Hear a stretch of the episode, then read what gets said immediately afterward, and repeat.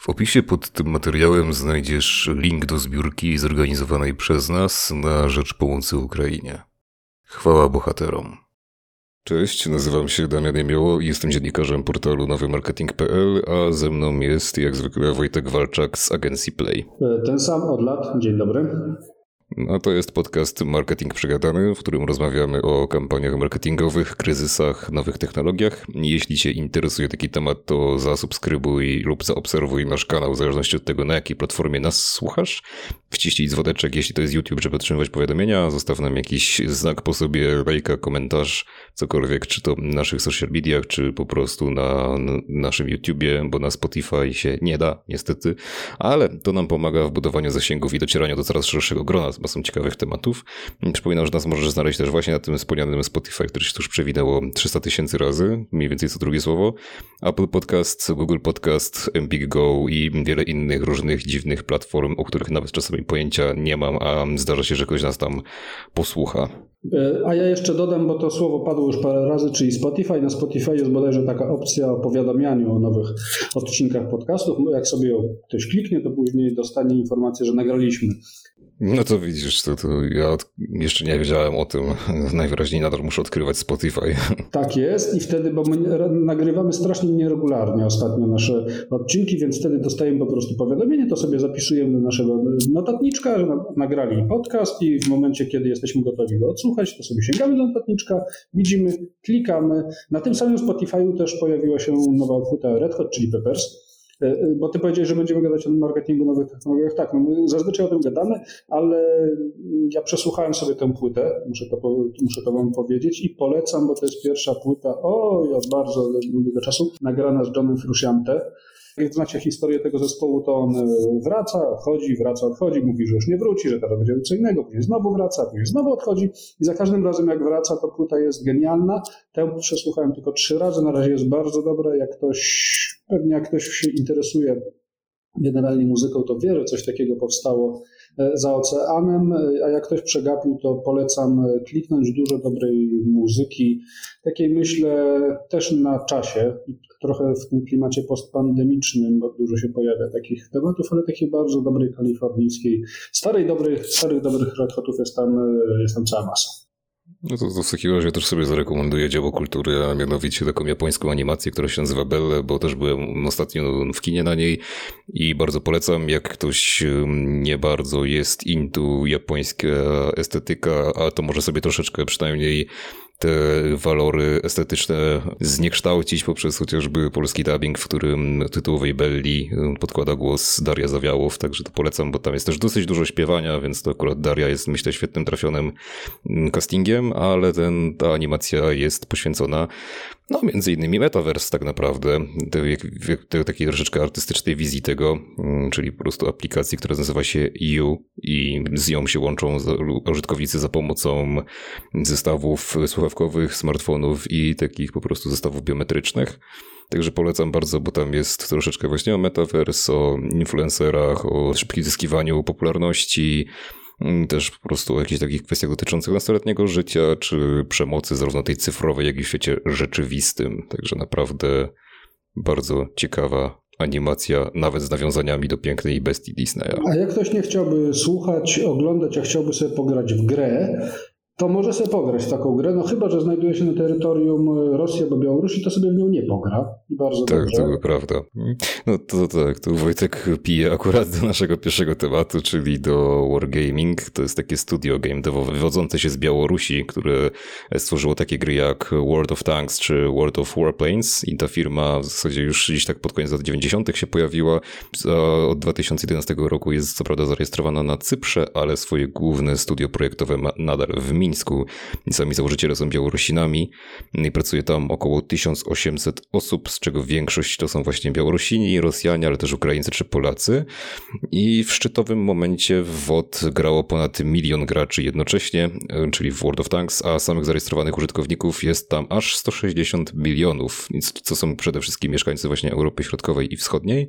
A top 3 najlepiej zarabiających esportowców World of Tanks to są dwaj Rosjanie i Białorusin. Ale to, czy o tym mówię mówimy, to tutaj już się też przewinęło w komunikacie Wojtka, że sobie nie pogra, a sobie nie pograją w to Rosjanie i Białorusini, dlatego że Wargaming postanowiło całkowicie się wycofać z tego rynku, zarówno jeśli chodzi o swoje produkcje, jak i po prostu swoje studia projektowe, a to za sprawą no, po prostu tego, co się tam dalej w, na, no, w Ukrainie po prostu dzieje za sprawą Rosjan. I to jest o tyle ciekawe, że ta marka, tak jak wspomniałem, ona się wywodzi stricte z Białorusi, ma w Mińsku naprawdę mnóstwo pracowników i w Rosji też ma mnóstwo pracowników i w Rosji i w Białorusi ma bardzo dużo odbiorców, jeśli chodzi o ich tytuły. Ciekawe dlaczego. No, no tak, aczkolwiek i sami też w swojej komunikacie prasowym, który tam po prostu e, wysłano do mediów, to przyznawali, że oni się liczą ze stratami swoimi po prostu finansowymi stricte, przynajmniej na początku, ze względu na to wycofanie się, no ale nie mogą dłużej na to patrzeć. W ogóle mnie bardzo postawa Wargaming... Mm, imponuje no, ci. Imponuje mi, tak. To, to prawda, ze względu na to, że po prostu ta firma jest w zasadzie jedną z największych białoruskich firm, jakby nie było, no przynajmniej wywodzącą się z Białorusi, no bo teraz cypryjską firmą są. I jednocześnie no potrafią po prostu wyjść naprzeciw temu, co się tutaj dzieje, wyjść naprzeciw swojemu metrznikowi, rządzonemu niestety przez e, kratoszkowego księcia, że tak się wyrażę, czy też wąsatego karalucha, jak go Białorusini nazywają. I powiedzieć po prostu nie, no to jest za dużo, to jest za wiele, my nie chcemy brać w tym udziału, chcemy pokazać jasno, że odcinamy się od czegoś takiego, że to jest okropne, okrutne, wstrętne, tym bardziej, że ich gry, no to jednak polegają na konfliktach zbrojnych, więc to też sporo mimo wszystko mówi, a ta firma jest naprawdę gigantem, bo to jest no, ponad, tak jak wspomniałem, około 1800 osób. Oni w zeszłym roku przeprowadzili kampanię z Arnoldem Schwarzeneggerem. Zresztą te liczby, które wcześniej podawałem, 160 milionów zarejestrowanych użytkowników, no to myślę, że też sporo mówi. Firma też się ostatnio odcięła od swojego dyrektora kreatywnego Sergieja Burkatowskiego, który po prostu wspierał Rosję w ich działaniach, więc też Wargaming od razu postawiło na nim krzyżyk. I bardzo bym chciał, żeby francuskie koncerny, nie tylko francuskie, przyjrzały się temu przypadkowi, temu case'owi no i tak potem sobie spojrzały na siebie, nie? Że, że, można to zrobić inaczej. Oni podobno też w ogóle planują nową wersję World of Tanks, to ma być World of Tractors, e, w odpowiedzi okay. na to, co się działo w Ukrainie ostatnio. Mm, natomiast to ciekawe, wiesz, bo to jest ciekawy wątek, którym pewnie różni, różnią się ludzie od siebie, bo ja grałem w przeróżne gry, czy to World of Tanks, czy to wszystkie inne związane z wojną, natomiast różnica pomiędzy mną a nimi była taka, mówię teraz o Rosjanach i o Białorusinach, że ja nigdy po takim przejażdżce czołgiem w grze nie chciałem wsiąść do tego czołgu i pojechać zabijać ludzi. A oni tak mają. Nie wiem, czy czerpią z tego jakąś przyjemność, chyba tak, patrząc na ostatnie wydarzenia.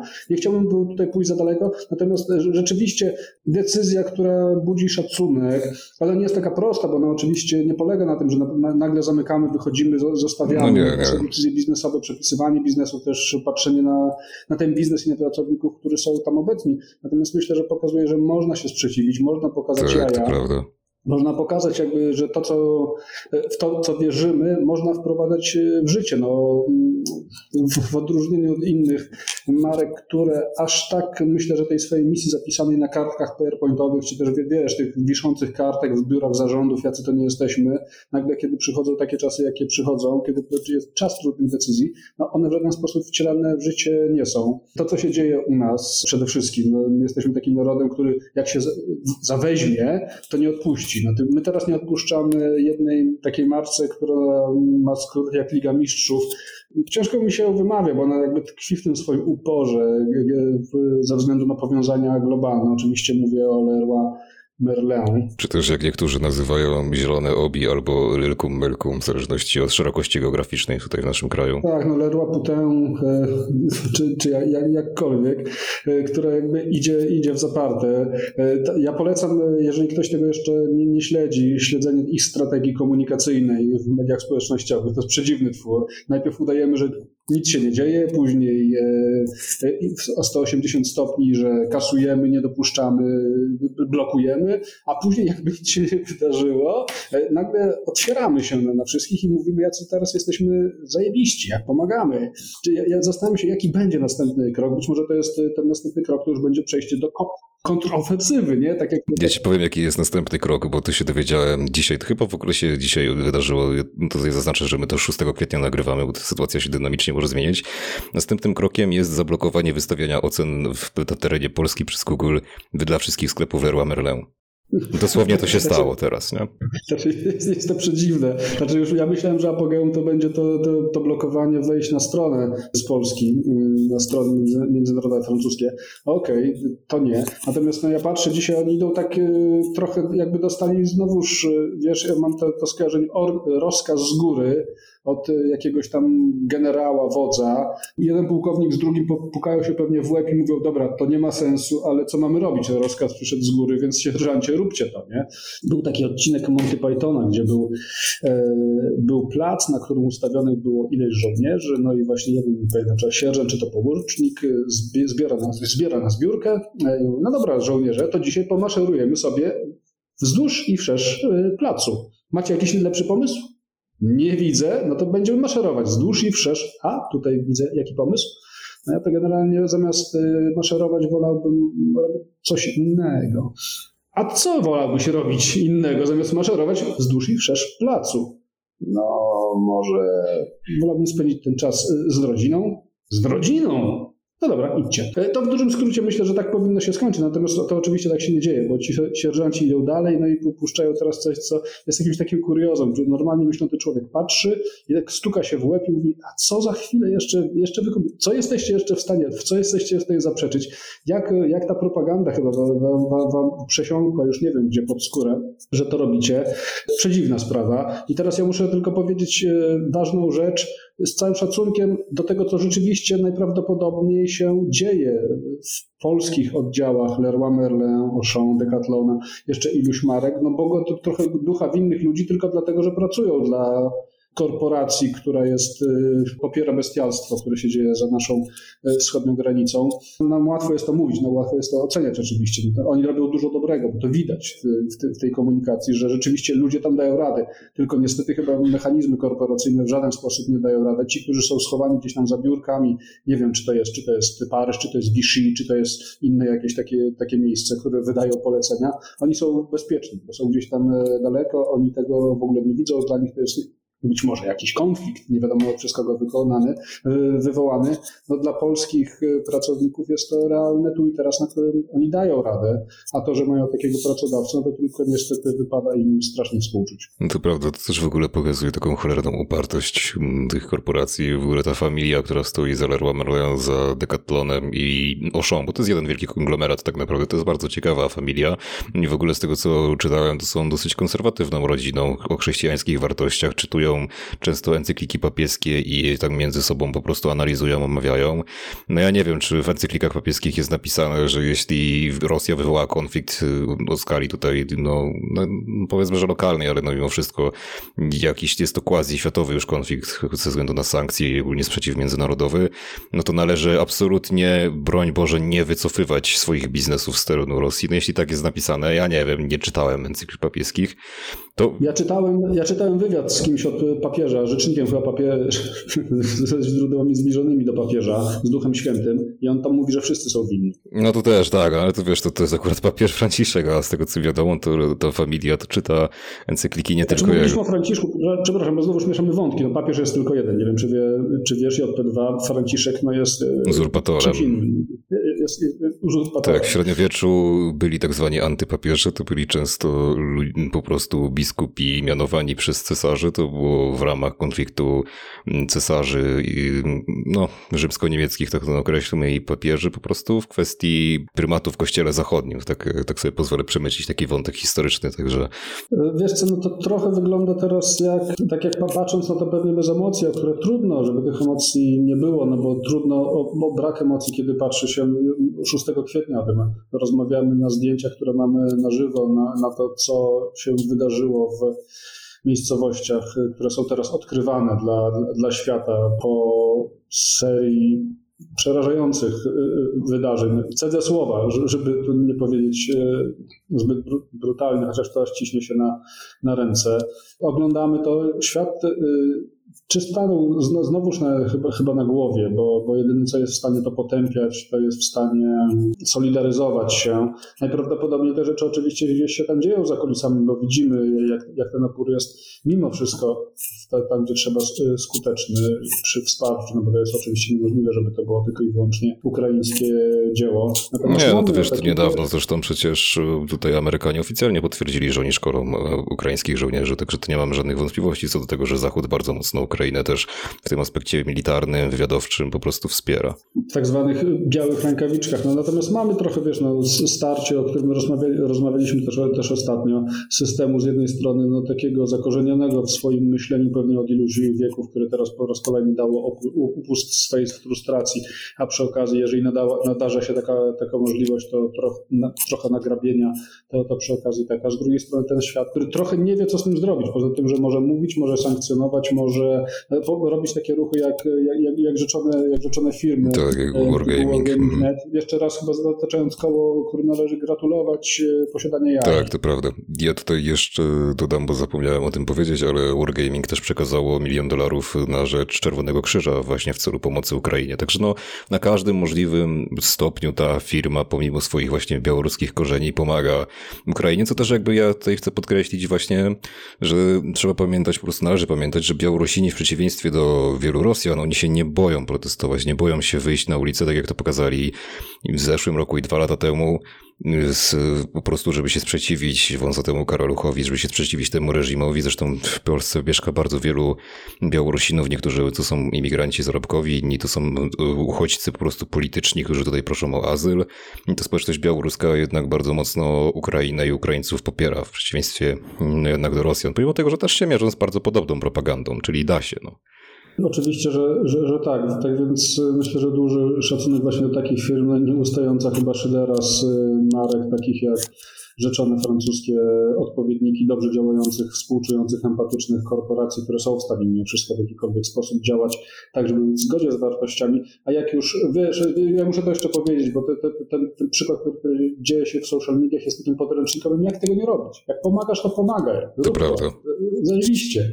A nie wywlekać teraz w momencie naprawdę dużego kryzysu, jak wiesz, takie przy, przykładanie bandaża, no już nawet nie na tą rękę, która krwawi, tylko na tą drugą, tylko po to, żeby, żeby przyłożyć. Bardzo mi się to skojarzy skojarzyło z e, takim czymś, co nagłośniły przez chwilę media, które patrzyli, nie wiedziałem, jak to firma Wawel, która pewnie też pomaga, oczywiście, że tak, żeby jeszcze pokazać, jak pomaga więcej, wypuściła e, ileś kilkadziesiąt tam chyba tabliczek czekolady, ale zamiast je po prostu przekazać, to musiały jeszcze obrandować flagą Ukrainy w serduszku, żeby pokazać jeszcze bardziej, jak, jak, jak bardzo pomaga, jak bardzo jest przejęta tym, wiesz, taki green, jak mówiliśmy sobie tutaj ileś razy o greenwashingu, tutaj warwashing to taki, wiesz, level master, na Boga, jesteś marketingu, musisz to nadrukować, musisz to pokazać, zrób to. Dobrze, że to robisz. Pochwal się swojej żonie, pochwal się swoim dzieciom, pochwal się swoim znajomym, ale nie rób tego, bo to, bo to nie ma najmniejszego sensu. Jeżeli wydałeś na tę farbę chociażby tysiąc złotych więcej, żeby ją nadrukować, to trzeba było tego tysiaka wpłacić jeszcze, jeszcze raz na, na, coś, y, ufundować. To naprawdę nie jest moment, żeby sobie zbijać w jakikolwiek sposób kapitał marketingowy w, w tym momencie. Myślę, że tutaj też możemy gdzieś ten wątek ukraiński zakończyć. Rzeczywiście tam cały czas się dzieją bardzo bardzo tragiczne i okrutne rzeczy. My jednak też skupiamy się czysto na, na marketingu. Ja na pewno bym tutaj też przy okazji powiem, że nasi słuchacze też niektórzy mogą być zainteresowani również tymi kwestiami ukraińskimi. No siłą rzeczy w zasadzie to chyba wszyscy Polacy obecnie są. To tak sobie ze swojej strony polecę kilka kanałów, kilka podcastów, które można sobie śledzić i w kwestii właśnie wydarzeń na wydarzeń w Ukrainie. No to jest Marcin Strzyżewski na YouTubie. Bardzo polecam. To jest filolog rosyjski, rosyjski który ma olbrzymią wiedzę na temat Rosji, Ukrainy, ogólnie tego całego wschodniego po prostu świata. To jest też, tu zaczyna się Wojsko, kanał prowadzony przez polskiego eksperta do spraw militariów, który co tydzień relacjonuje to, jak się zmieniają te kwestie dotyczące po prostu właśnie mm, posunięć na froncie i ogólnie też wojska na, na Ukrainie, po prostu w Ukrainie, inwazji rosyjskiej. No i cóż, no jest jeszcze też historia realna, tak? Prowadzona e, przez geopolityków, którzy też mają bardzo duże pojęcie na temat tego, co się dzieje po prostu w Rosji, co się dzieje w Ukrainie i jak ta wojna przebiega. Także to serdecznie polecam. A ja bym dodał do tego jeszcze, jeszcze jeden kanał, to jest raport o stanie świata Dariusza. To też jak najbardziej jakby historia też moim zdaniem niesamowita. Jakbym chciał dosłownie w dwóch słowach powiedzieć. Pewnie znacie człowieka zakorzenionego sercem, umysłem, duchem w radiowej trójce który, nie zapominajmy, że Radiowa Trójka jeszcze jakiś czas temu było dosyć fajnym, może nie najmłodszym, ale fajnym medium, do którego jak chciałeś chwili spokoju i merytoryki, to sięgałeś po to, żeby posłuchać mądrzejszych e, od siebie, która została zniszczona, myślę, że bardzo logiczny, no bez, bez krwawych ofiar, ale w logiczny sposób, jak to się dzieje teraz w Ukrainie przez naszych rządzących, została z, z, zmieciona, tam nic nie ma, tam są jakieś podrygi jeszcze inteligencji w tym miejscu. E, człowiek, który wyszedł stamtąd, powiedział: Dobra, e, walcie się, robię to po swojemu. Sam finansuję swój biznes, sam finansuję z datków od słuchaczy i spłat na Patronite bodajże kanał podcastowy, którego słucha się, czy to jest godzina, czy to jest 4 godziny z zapartym tchem. Tam jest merytorycznie, tam jest wszystko tak jak trzeba, tam wszystko gra. Jak ktoś nie zna, polecam. On teraz w trakcie w trakcie wojny w Ukrainie y, zwiększył nawet swoją częstotliwość nadawania. Wiadomo, tak jak, tak jak wszyscy, którzy, którzy interesują się tym tematem, polecam, tak jak my, na Spotify i tak dalej, i tak dalej. Można tam na Spotify można subskrybować i tak dalej, i tak dalej. Tak samo jak nasz marketing przegadany. To prawda. No i tutaj myślę, że możemy przejść sobie do kolejnego wątku, już takiego czyli bardziej marketingowo i komersowego. No, chodzi mianowicie o eBaya. To też pewnie osoby, które gdzieś siedzą w świecie marketplace'ów i e-commerce wiedzą, że eBay ponownie wchodzi do Polski w cudzysłowie. No, choć tak naprawdę, no, jakby nigdy oficjalnie ta polska wersja platformy nie padła jako tako, bo w 2005 roku tutaj zadebiutował eBay, natomiast po prostu radził sobie bardzo kiepsko i nie wytrzymał konkurencji z lokalnym Allegro. No i eBay tutaj zaczynać będzie dosyć, bym powiedział, skromnie, czyli po prostu od wprowadzenia automatycznego tłumaczenia ofert na język polski i też ma rozwijać swoją aplikację mobilną. No ale platforma nadal nie ma na przykład podpiętych takich polskich e-płatności jak Blik, PayU czy Przelewy24. Nie oferuje też dostaw do paczkomatów. Trąbi o tym m.in. właśnie Grzegorz Marczak, redaktor naczelny Antywebu. Ostatnio sobie czytałem jego artykuł poświęcony właśnie temu ponownemu wejściu eBaya do Polski. I tam prostu wskazywał, co jego zdaniem eBay robi źle. Ja się poniekąd tak po części zgadzam, bo ja do końca tej decyzji nie rozumiem. W sensie mam wrażenie, że bardzo, bardzo tak sobie powolutku, ostrożnie wchodzą, ale jednocześnie są mocno nieprzygotowani. Nie ma też jakiejś takiej szeroko zakrojonej kampanii tutaj marketingowej. Może to się w końcu zmieni. Tylko też pytanie, czy eBay sobie w ogóle poradzi z tą konkurencją z Allegro i Amazonem. Tym bardziej, że za oceanem to też eBay sobie coraz gorzej radzi z Amazonem. Ale też... eBay to chyba, eBay to chyba taki przykład y, analogiczny do tych biznesów, które takich e, posągowych, które przespały swój moment. No Zamiast... tak, tak. Tak jak na przykład Yahoo no nie? I, i Google które nie wytrzymało, nie wytrzymało po prostu konkurencji też w pewnym momencie. Dokładnie tak. No, Blockbuster i Netflix i pewnie jeszcze, jeszcze kilka byśmy znaleźli. E, no ja pamiętam, e, jako ten sta, stary człowiek tutaj, jeszcze te potyczki, wiesz, z, sprzed iluś lat e, eBaya z Allegro, to już wtedy była nie, jako nierówna walka i co, co ciekawe, no nigdzie eBay jeszcze w tamtych czasach nie miał takiego gracza lokalnego jak Allegro, mm. jako przeciwnika, więc to ten rynek polski, zresztą duży jak na, na, na Europę 40-milionowy konsumentów wygłodniałych, spragnionych ofert, nielimitowanych w żaden sposób, szukania i znajdowania wszystkiego. I, na, na jeszcze nasza taka pasja do, do aukcji, do szukania tych ofert, do przebijania, do, do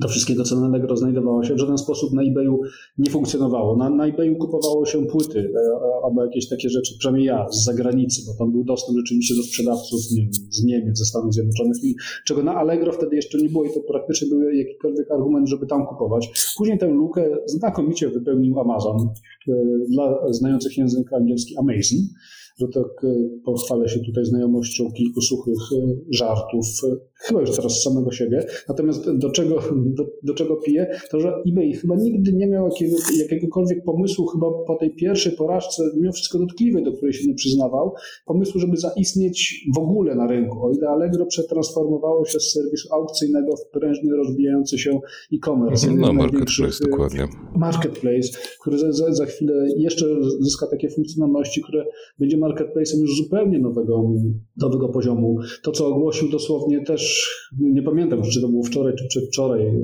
partnerstwo z MOL.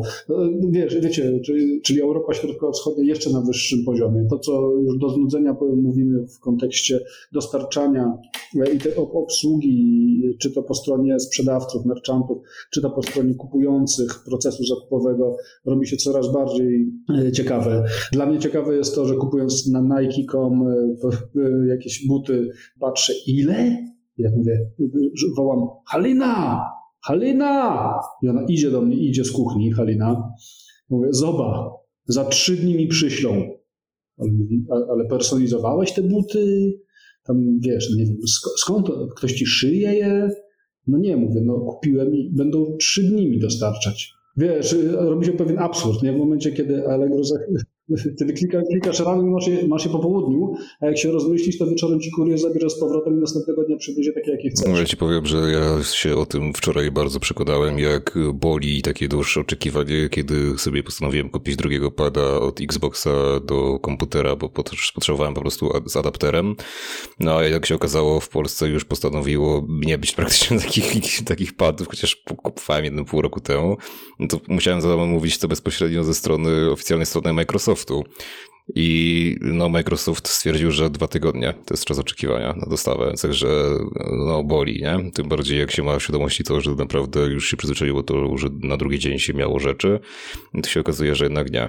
To jest absurd, no wiesz, no ja, ja jak to powiedziałem żonie, że trzy dni będę czekał, to ona mówi, czy ciebie pogięło? Przecież za trzy dni to ty możesz być już zupełnie innym człowiekiem. Do ciebie to może nie pasować. To prawda. Ja mówię, wiesz, ja mówię, no prawda, dlaczego to zrobiłeś? No, chwila słabości. No, cena była dobra, 50% taniej. Tak. I ona mówi do mnie, ale ty wiesz, że to nie było 50% taniej, tylko oni się zrobili, wiesz, na ten trik, że podają wyższą cenę, tutaj, a później przekreślają i robią niższą. Mówię, nie, to dalej tak się robi?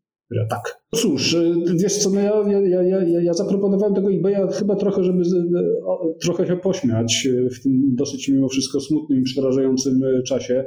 Ja myślę, że to też jest tak, że oni niby wchodzą, niby nie wychodzą. Najprawdopodobniej to my konsumencko robimy sobie z tego beczkę. Pewnie stoi za tym jakaś tam grubsza, wiesz, rzecz, którą jest, jest do wykonania przez ten biznes, system zależności.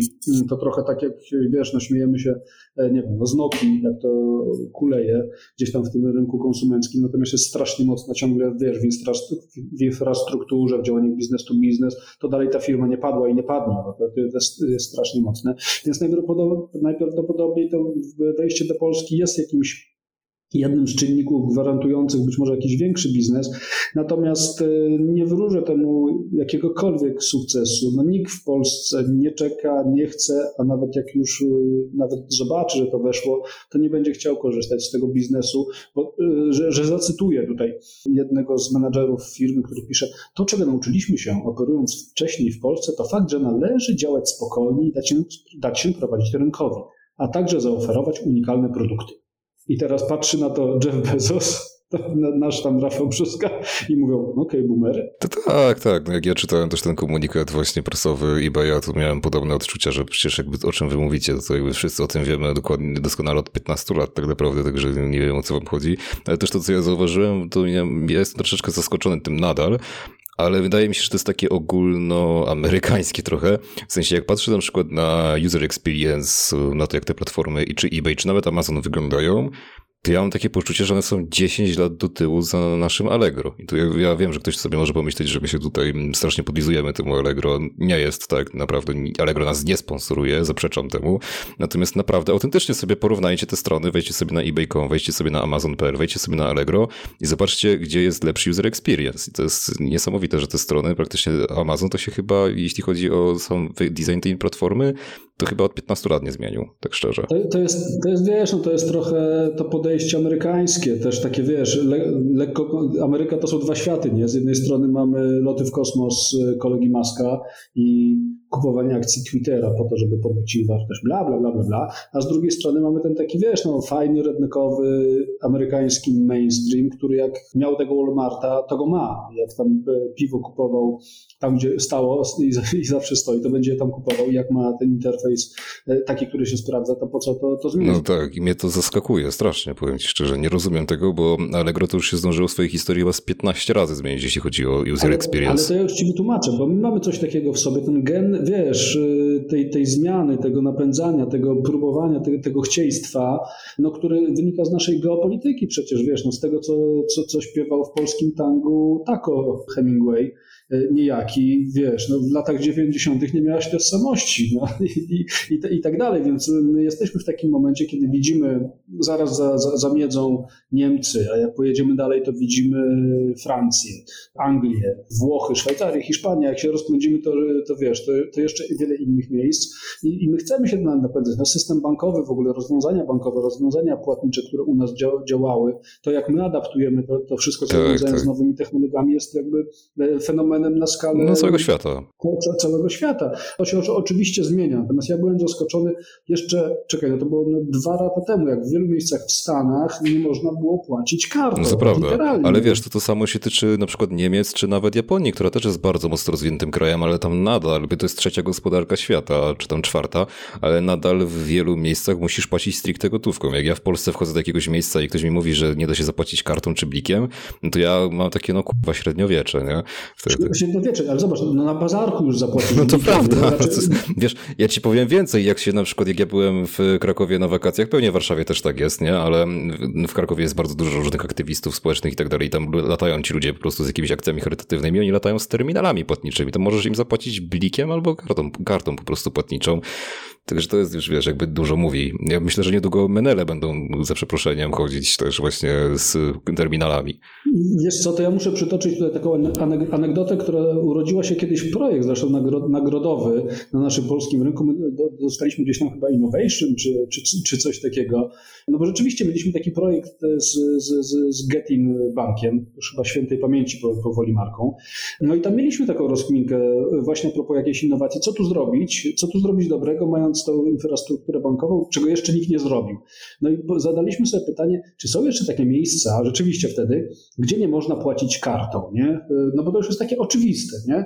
No, no i wyszło nam, że chyba wszędzie za pomocą pewnie domów publicznych, właśnie tych bazarków, ale pewnie też są takie miejsca jak zbiórki charytatywne, właśnie typu WOŚP, gdzie ciągle wkładamy do skarbonek monety. Tak jest najprościej. No i zrobiliśmy bardzo prostą rzecz, czyli terminal taki do, do przyjmowania kasy, który jest terminalem przenośnym, na który możesz po prostu wpłacać 5 ziko swoją, swoją, swoją kartą, dając w ten sposób kasę, kiedy nie masz jej fizycznie. to strasznie zażarło, to było strasznie wizerunkowe. Wiesz, to było takie wyprzedzające, bo to rzeczywiście innowacyjne rozwiązanie, które teraz jest już totalnym standardem. To, co mówisz, no jeżeli, jeżeli nie mogę zapłacić tutaj kartą, to znaczy, że wy jesteście jacyś dziwni. A zobacz, a w Stanach, teraz wychodzi na to, że bywam w Stanach Zjednoczonych, international travelers, Walczak, please e, go to the gate number 22.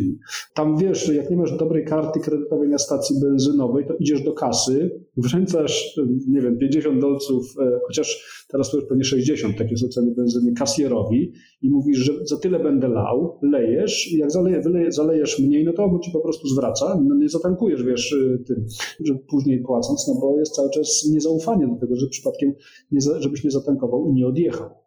Więc tak to wygląda. Znowuż Europa taka konserwatywna, no pójdź do ten, na jakiś, do, w małym mieście na południu Francji na bazarek i wiesz, za, za jakiegoś tam melona i kawałek sera i szynki jakiejś tam płać kartą. No niekoniecznie, no dalej jest obrót gotówkowy, więc my tu jesteśmy strasznie tym, tymi early adopterami, jeśli o to chodzi. Ja powiem nawet więcej, nie wiem czy wiesz, ale w niektórych kościołach w Polsce, na przykład na Podkarpaciu, w Rzeszowie czy w Tarnowie, no to tak zwane ofiaromaty, czyli po prostu sobie możesz pójść do kościoła i zapłacić też kartą, zamiast księdzu dawać na tacę, to możesz po prostu, wiesz, tam wybrać jakąś kwotę i cyk, czy chyba nawet blikiem. I też w ogóle Kościół katolicki w Polsce, to pewnie też nie, nie dużo ludzi wie o tym, ale korzysta z programu Fundacja Polska Bezgotówkowa, czyli też jakby będzie się to rozszerzać, jeśli chodzi o takie, nazwijmy to, etace.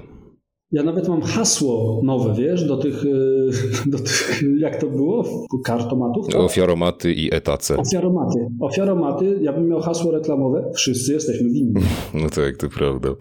No ale też myślę, że... Jak, jakby co to, to znaczy nie, chciałem powiedzieć, jakby co to wiecie, gdzie mnie znaleźć. Nie, nie wiecie, nie, nie, nie wiecie, gdzie mnie znaleźć. Tam, gdzie ostatnio byłem, tam mnie nie ma, nie pukajcie. Przepraszam, ja muszę, ja muszę zadzwonić do domu, żeby powiesić ten kotary. Ale już się wysprzęgliłeś, że w Stanach Zjednoczonych bywasz, także to wiesz. Uh, yes, travel, Walczak, please go to the gate number 22. Ale myślę, że możemy zakończyć też ten temat bo to tak naprawdę na razie przynajmniej nie ma o czym za bardzo porozmawiać, jakoś szczególnie to jest taki bardziej news, po prostu czekamy na to, co eBay wykombinuje, wymyśli. Wiesz co, wiesz co, ja zastanawiam się, czy my szybciej kończymy teraz temat eBaya, czy eBay po raz kolejny tak, szybciej.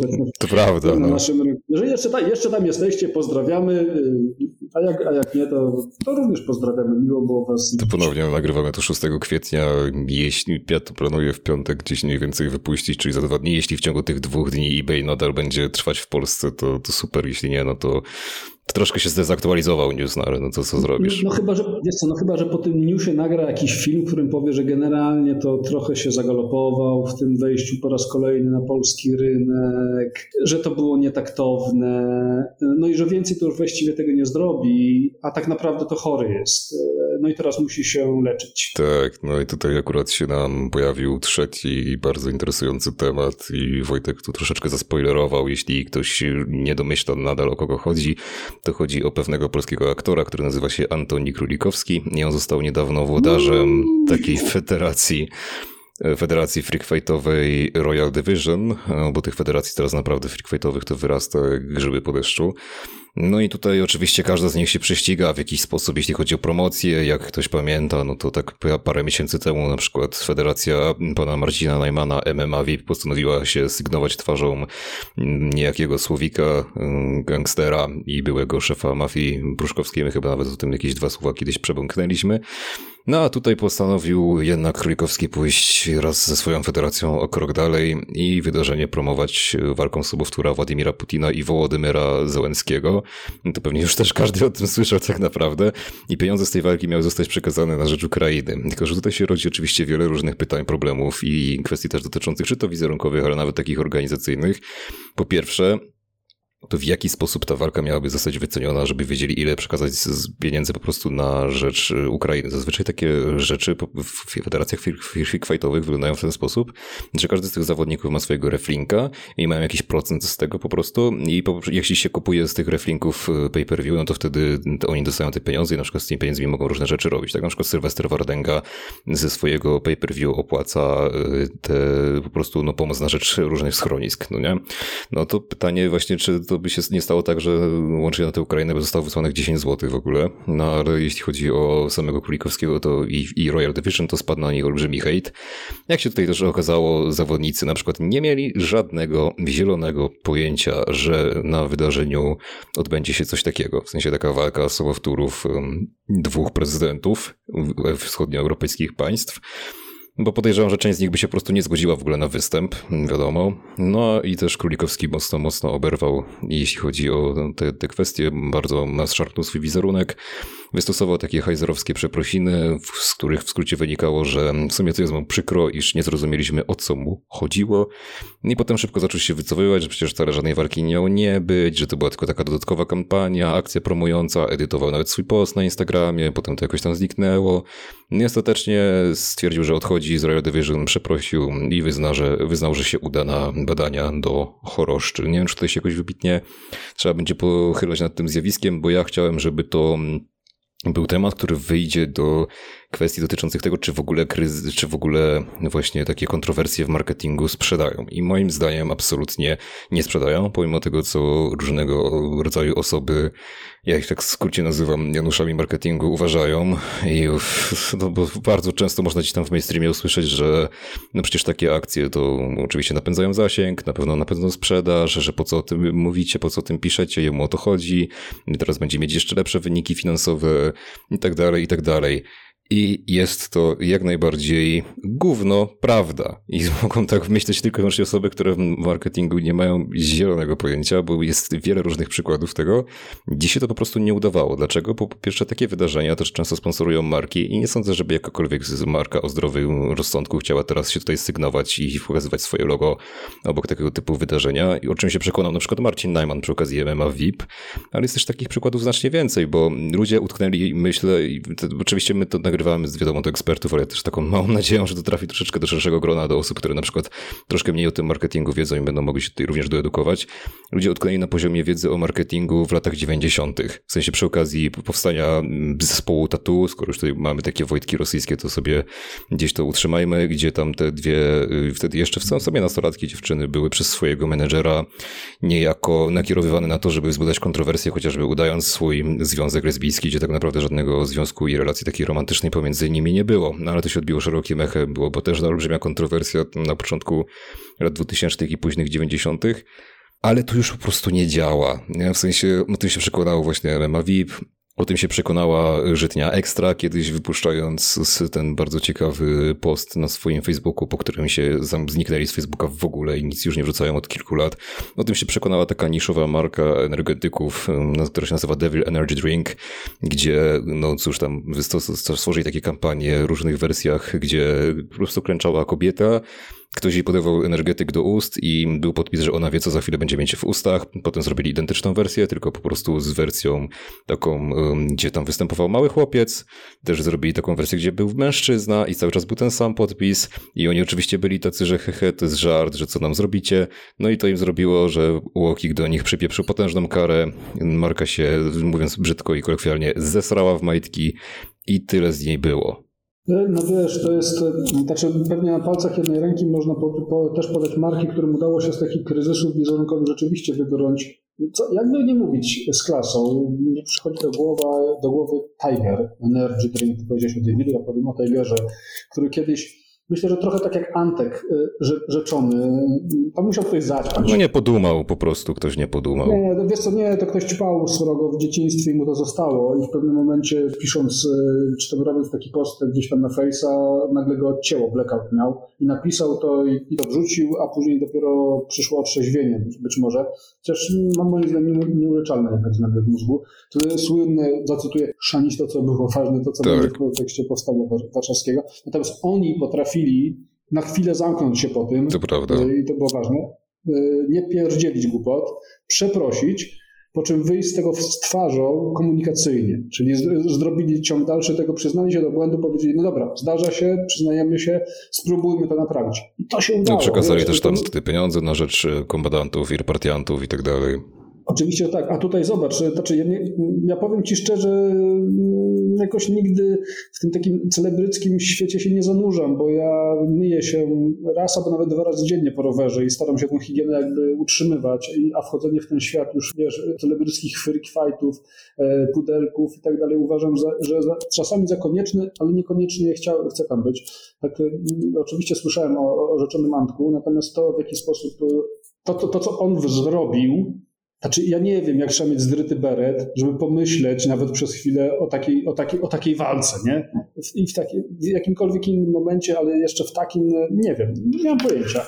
To, to chyba dobrze taki warszawski klub lustra, lustra podsumował. Dzieciaki, nie bierzcie mety, zobaczcie, co ona robi, robi z wami. Taki jest efekt. Natomiast jeszcze bardziej żenujące od tego, jeżeli jest jeszcze w ogóle jakakolwiek skala, skala zażenowania e, w takiej sytuacji, to jest to, jaka była reakcja przepraszająca, powiedziałbym, czyli generalnie przepraszam, przepraszam. No, takie przepraszam, że, że jesteście głupi, że nie zrozumieliście, tak w skrócie. Przepraszam, że jesteście głupi, a tak w ogóle to jestem chory. Cześć! No. Nożesz tak, to prawda. Dlatego właśnie tu też y, kierujemy te słowa i ten wątek właśnie w stronę osób, które do końca nie rozumieją, jak ten marketing działa, nie wiedzą o tym i właśnie myślą, że takie kontrowersje jeszcze sprzedają. Absolutnie nie. To już nie naprawdę nie są te lata, to nie, są lata 90., 80., jakiś początek 2000, że takie rzeczy po prostu działały. W większości tego typu kampanii się nie udają, kończą się olbrzymimi kryzysami, potem się kończą albo właśnie tak jak w przypadku Antka, no udaniem się na jakąś terapię, bo jednak trzeba sobie poradzić z tym całym hejtem, z tym wszystkim, co się zrobiło, z tym właśnie niepodumaniem, trochę niepomyśleniem,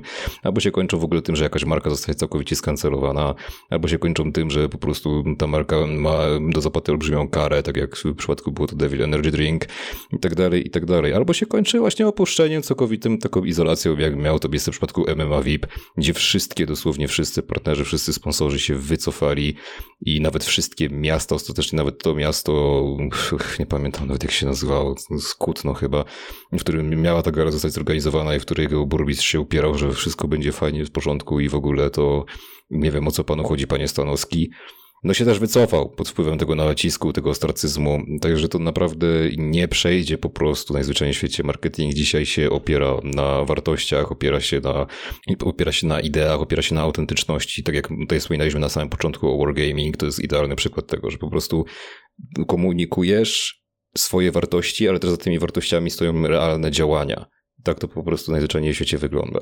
Ja też powiedziałbym, że taki chyba to podejście do marketingu, które my jakby propagujemy, szanujemy, bo oczywiście z drugiej strony cały czas ta kontrowersja jako taka, wiesz, to, to, że on to robi, no to jest kto zrobi kolejny krok, kto pójdzie dalej, kto jeszcze jest w stanie tą szpilę e, temu, wiesz, widzowi wbić, żeby się zaciekawił. Tylko to jest szukanie kontrowersji. To oczywiście ma swoje grono odbiorców i to grono odbiorców jest w stanie się pewnie z tego pochichrać trochę, jeżeli nie zostanie już ta granica przekroczona. To po prostu no może i się będzie w stanie pochichrać. No. Przez chwilę, nie? Natomiast to nie jest, to nie jest marketing. Taki, jaki przynajmniej ja uważam za marketing skuteczny, to nie jest też, i oczywiście zawsze znajdzie się jakiś tam devil energy, czy tam debil energy, który, który w to wejdzie, bo sam myślę, że tak jest, natomiast żadna poważna marka pod takim czymś się nie podpisze. Tak samo jak żadna poważna marka nie powinna podpisywać się pod rosyjską agresją na narodzie ukraińskim, jak na przykład Leroy Merlin. No to prawda, no w sensie takie rzeczy najzwyczajniej w świecie nie przechodzą. Ja wiem, że tu w świecie na przykład influencerów też się może wydawać, że takie będą, że będzie powodzenie tego typu akcji. No to dobrym też przykładem tego jest Queen of the Black, która ona w zasadzie od początku do końca bazuje gdzieś tam na tych kontrowersjach. Właśnie często z, dlatego, że nie poduma, że gdzieś tam zachla, cokolwiek takiego. Natomiast to się jej ostatecznym rozrachunku średnio opłaca, bo żadna poważna marka z nią w współpracę nie wejdzie. W internecie jest uważana za osobę, która potrzebuje pilnej pomocy psychoterapeutycznej. W zasadzie też opuściło ją nawet wiele osób, które gdzieś tam y, po prostu po jej stronie stał, stali i starali się w jakiś sposób pomóc. I na przykład Maja Staśko chociażby, czy Sylwester Wardenga, którzy gdzieś tam naprawdę próbowali pomagać Queen of the Black. No i co? No i w zasadzie też na Instagramie była cały czas banowana, gdzieś tam na YouTubie. To się nie opłaca po prostu. Nie ma absolutnie w żadnym rozrachunku to się nie opłaca, bo będziesz się po prostu borykać z kryzysem wizerunkowym, z tym, że nikt nie będzie z tobą chciał tutaj współpracować, nikt się nie będzie traktować poważnie i prędzej czy później to rypnie. Nawet jeśli ci się uda gdzieś tam za pierwszym razem, za drugim, to nie ma znaczenia, bo to prędzej czy później rypnie i będzie naprawdę, jakby trendy w marketingu idą ku temu, żeby ten marketing był coraz bardziej szedł w kierunku społecznego rozwoju biznesu, właśnie w kierunku wartości, jakichś takich po prostu prospołecznych, proekologicznych działań i tyle, po prostu. Ale a propos przykładów, to ja myślę, że mamy strasznie na koniec fajny przykład tego, jak zmienia się podejście do mm, zarządzania usługami, mikropłatnościami w miejscach, w których trochę byśmy się tego, a nawet bardzo byśmy się tego nie spodziewali, prawda? Bo o ile w takim World of Tanks czy w innej grze jesteśmy przyzwyczajeni do tego, że płacimy za coś mniej lub e, więcej, jesteśmy przyzwyczajeni do transakcji kartami, tam na bazarkach czy gdziekolwiek. Kiedyś były jeszcze limity, że na 5 zł czy 10 zł, teraz tak naprawdę kupujesz tam, wiesz, dwie marchewki za 70 groszy, to ping, ping, ping, zapłacone, jedziesz dalej. No to tutaj mamy, myślę, że strasznie ciekawy przykład, gdzie te mikropłatności znajdują się no, w nieoczywistym miejscu, co?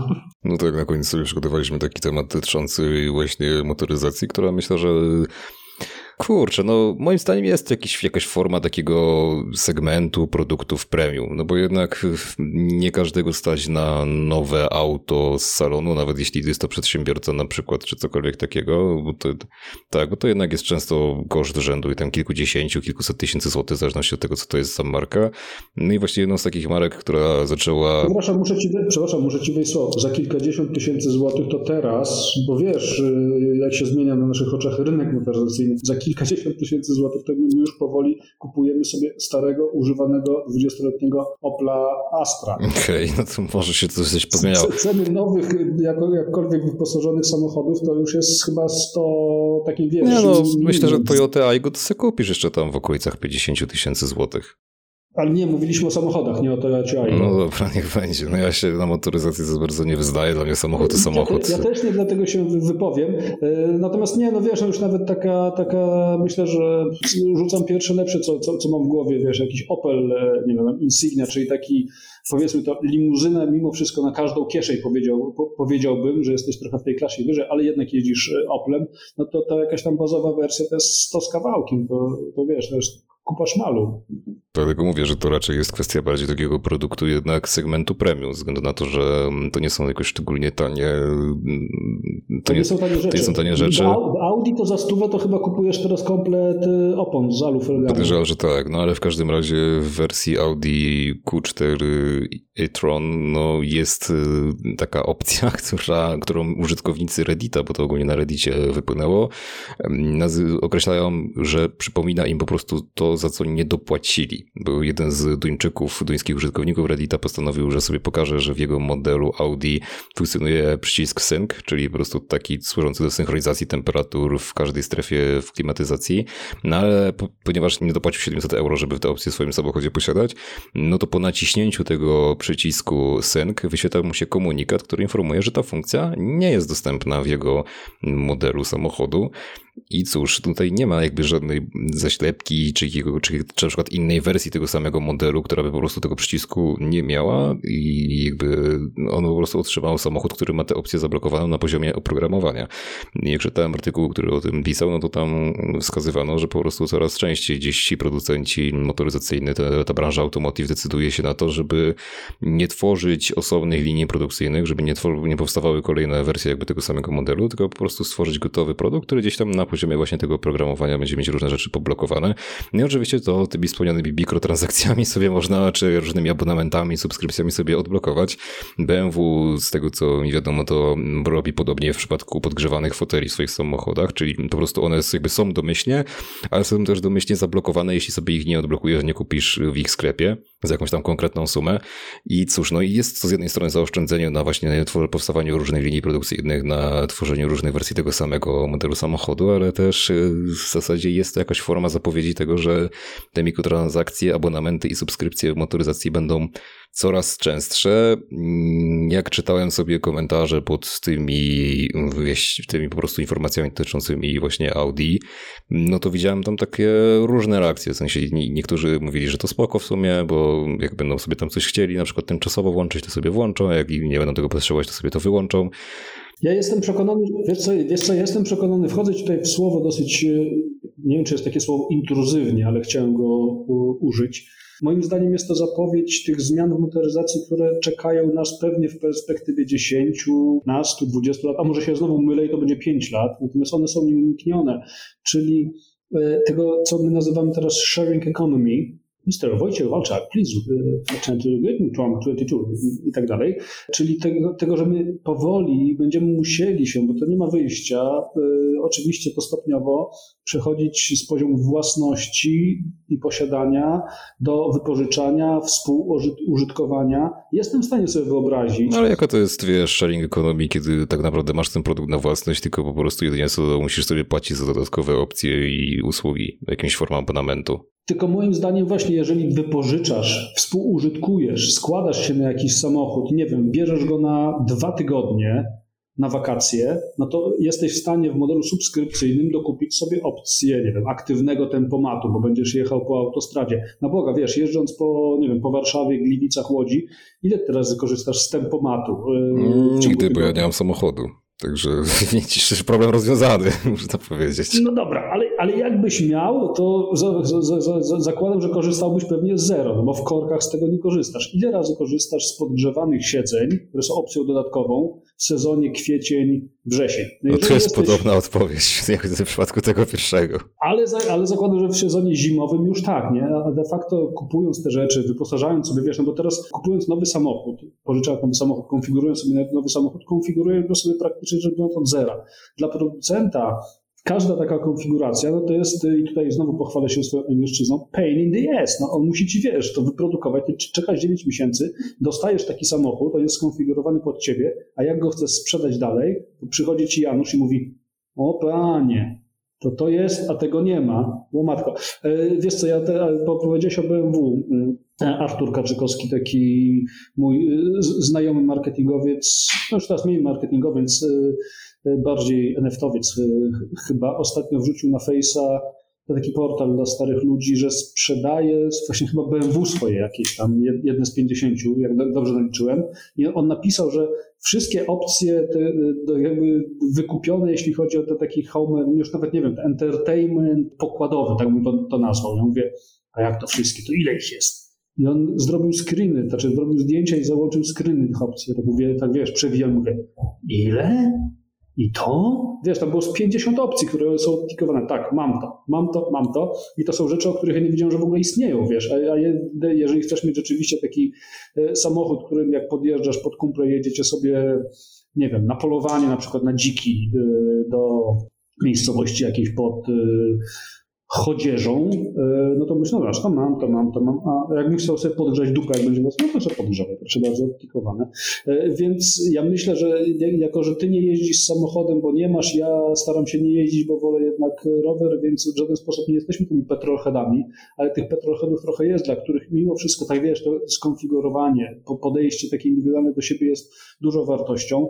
Ale idąc te, te, te, kroki dalej, dla wcale nie jest to dobre dla producentów. Jeżeli pomyślę sobie, wiesz, nawet teraz z tego poziomu, za każdym razem jak wsiadam do panek samochodu i widzę, pierwsze co mi się odpala, to wiesz, widzę na ekranie, o, iPhone Joanna, e, Android Krzysztof i tak dalej, i tak dalej. Ile, ile tu ludzi przede mną siedziało i my do tego zmierzamy. Myślę, że to, takiego, wiesz, bierzesz samochód, on jest zresetowany, tu sobie wykupujesz teraz, dobra, lubię mieć ciepło w dupkę, w zimę to biorę podgrzewane e, siedzenia, ale nie otwieram okien, więc nie będę brał tych elektrycznych szyb i tak dalej, i tak dalej. Więc y, tam ktoś się posunął do komentarza, że y, pytanie, co jeżeli będziemy model takim subskrypcyjnym y, hamulce i gaz, no myślę, że to, do tego też, wiesz, w pewnym momencie dojdziemy. Chcesz zahamować? Naciśnij, ja jeden. Pobraliśmy od pana właśnie 10 zł.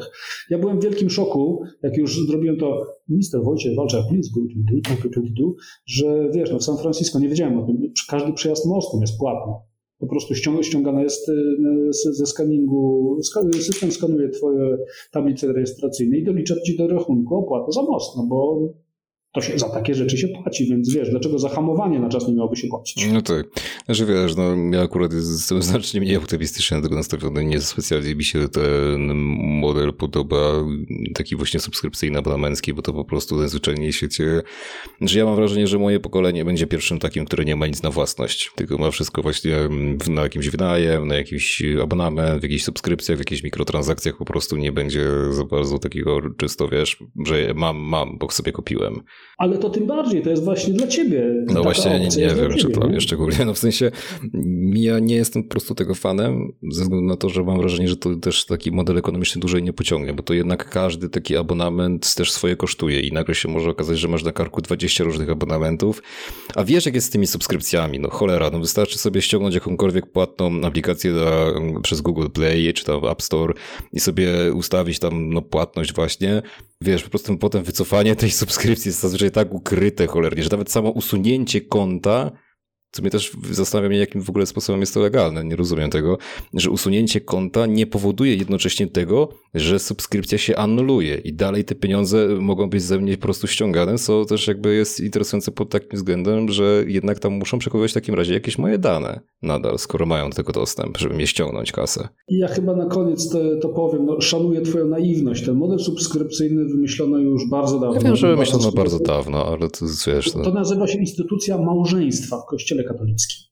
Tam jak podpisujesz ten kwit i tam mówisz, że nie opuszczę cię aż do śmierci, to jest easy wszystko, nie? To tak subskrypcją klikasz, podłączasz e, de facto, dajesz obciążać sobie kartę przez jakiś tam inny system, a po czym wycofanie się z tego, i to wiesz, on cały czas jest wolny, żeby ten status quo zostawić, no wcale nie jest takie, takie proste. Tam musisz, wiesz, wyobrażasz sobie, E, taka ten, rozprawa sądowa, gdzie musisz, stajesz przed sądem już, no tak, to wina Netflixa, muszę się rozstać z nim, bo i tak dalej, i tak dalej wiesz, to model taki, jaki jest. Ja akurat, akurat wracając na poważnie do, do Audi, do tego modelu subskrypcyjnego, uważam zupełnie inaczej niż ty. Uważam, że takie rozwiązania mają przyszłość właśnie dla twojego pokolenia, ze względu na to, że to będzie nastawienie na to, na to, co rzeczywiście użytkujemy, za co chcemy zapłacić, a za co płacić z, zupełnie nie Z jednej strony tak, ale z drugiej strony ja się obawiam, że to paradoksalnie będzie tylko poszerzać zadłużenie. Ze względu na to, że właśnie jeśli abonamenty są wygodne, jasne, tylko że to sprawia po prostu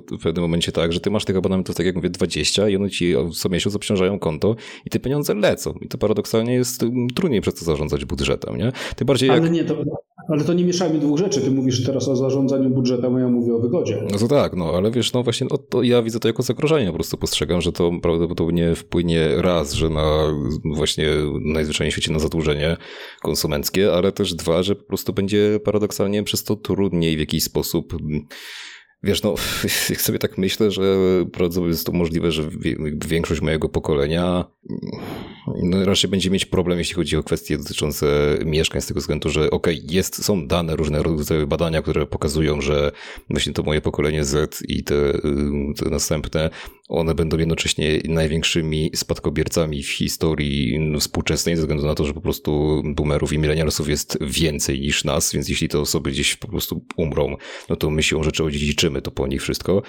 Ale z drugiej strony, no to też po prostu wiesz, no jednocześnie młode osoby bardzo często chcą się gdzieś tam wyrwać ze swoich, ze swoich miast, ze swoich miejscowości i co z tego, że ktoś sobie odziedziczy jakieś mieszkanie w Mszanie Dolnej, jeśli on chce mieszkać w Warszawie, no teoretycznie będzie mógł to sprzedać, będzie mógł to jakoś tam wynaleźć i tak dalej.